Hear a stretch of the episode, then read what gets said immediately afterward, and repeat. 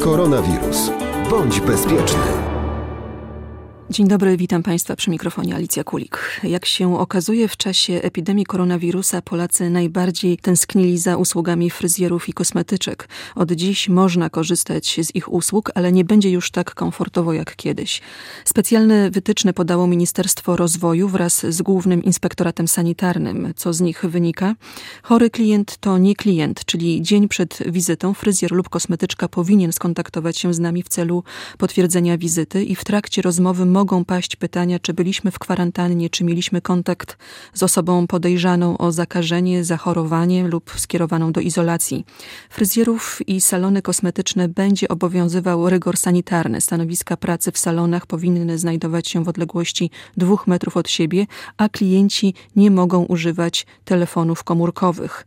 Wytycznych zasugerowano też, by jeśli to możliwe, używać jak najwięcej narzędzi i produktów jednorazowego użytku. Poza tym w salonach kosmetycznych i fryzjerskich przebywać mogą wyłącznie pracownicy i klienci.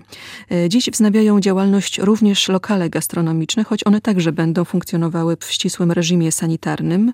Poluzowane zostają również obowiązujące dotychczas zasady uprawiania sportu na świeżym powietrzu oraz w halach sportowych.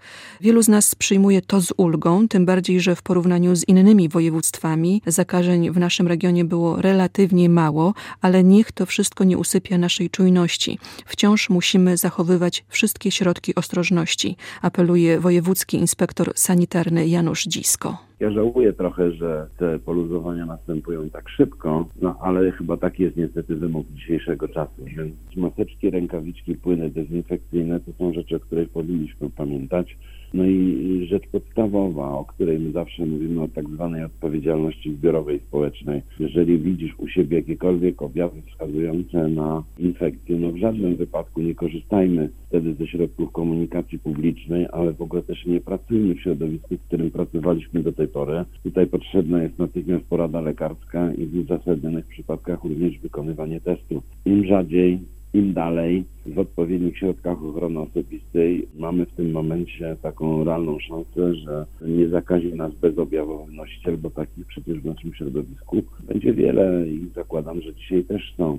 Więc mówienie o tym, czy osób powinno być 2, 7 czy 9, to jest oczywiście pewne zalecenie, tylko pamiętajmy o tym, że my powinniśmy znać pewne podstawowe zasady i odpowiednio się zabezpieczyć, jak się uchronić przed tym zakażeniem. Ja wiem, że tych zakażeń na terenie naszego województwa jest relatywnie mało w porównaniu z innymi, ale to, że dzisiaj jest mało, to nie jest dowód na to, że jutro ta sytuacja się nie zmieni. Wiem, że to usypia czujność. My wykonujemy relatywnie w porównaniu z innymi województwami, przeliczając na mieszkańców sporo tych testów. Te testy są swoistym monitoringiem, ale my nie wiemy tak naprawdę przy półtora milionowej populacji, czy gdzieś, a na pewno tak jest, nie przebywają osoby, którymi są zakażone i bezobjawowe. Cieszę się, że tych zakażeń jest relatywnie mało, ale to nie powinno usypiać naszej czujności, bo to się może zmienić w ciągu kilku dni. Przyznam się szczerze, z pewną trwogą obserwuję, że wszyscy zaczęliśmy lekceważyć kwestię koronawirusa, a więc duże skupiska ludzi, brak używania masek, odwiedziny sąsiedzkie i sezon grillowy się zaczął. To wszystko są czynniki, które sprzyjają mimo wszystko temu, że te zakażenia jednak dalej będą. Patrząc na to, jak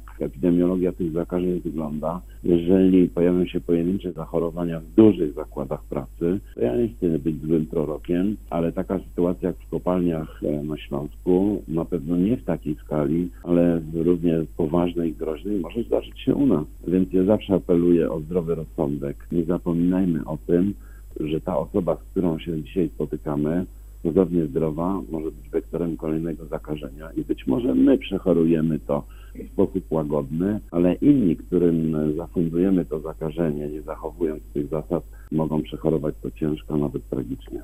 Z grozą patrzę na pełne plaże, czy na kolejkę na Mierzeję Wiślaną samochodów, która zaczynała się od nowego dworu. To dla mnie zupełnie brak zrozumienia, bo to, że w naszym województwie jest tak, jak jest, to należy się cieszyć, ale jak patrzy się na województwa sąsiednie, to ta sytuacja w mojej ocenie jest, jest dużo gorsza, a przecież nad morze czy w miejsca często uczęszczane przyjeżdżają także osoby z innych województw, południa Polski, a więc zaczyna się to mieszać jak w pewnym tyglu i boję się, że oprócz takich wrażeń pięknej pogody, słońca przywieziemy jeszcze coś, czego nie będziemy chcieli przywieźć. W związku z tym uważam, że tak mimo wszystko tego typu wycieczki należy jednak ograniczyć. Dziękuję bardzo. O ostrożność apelował wojewódzki inspektor sanitarny Janusz Dzisko.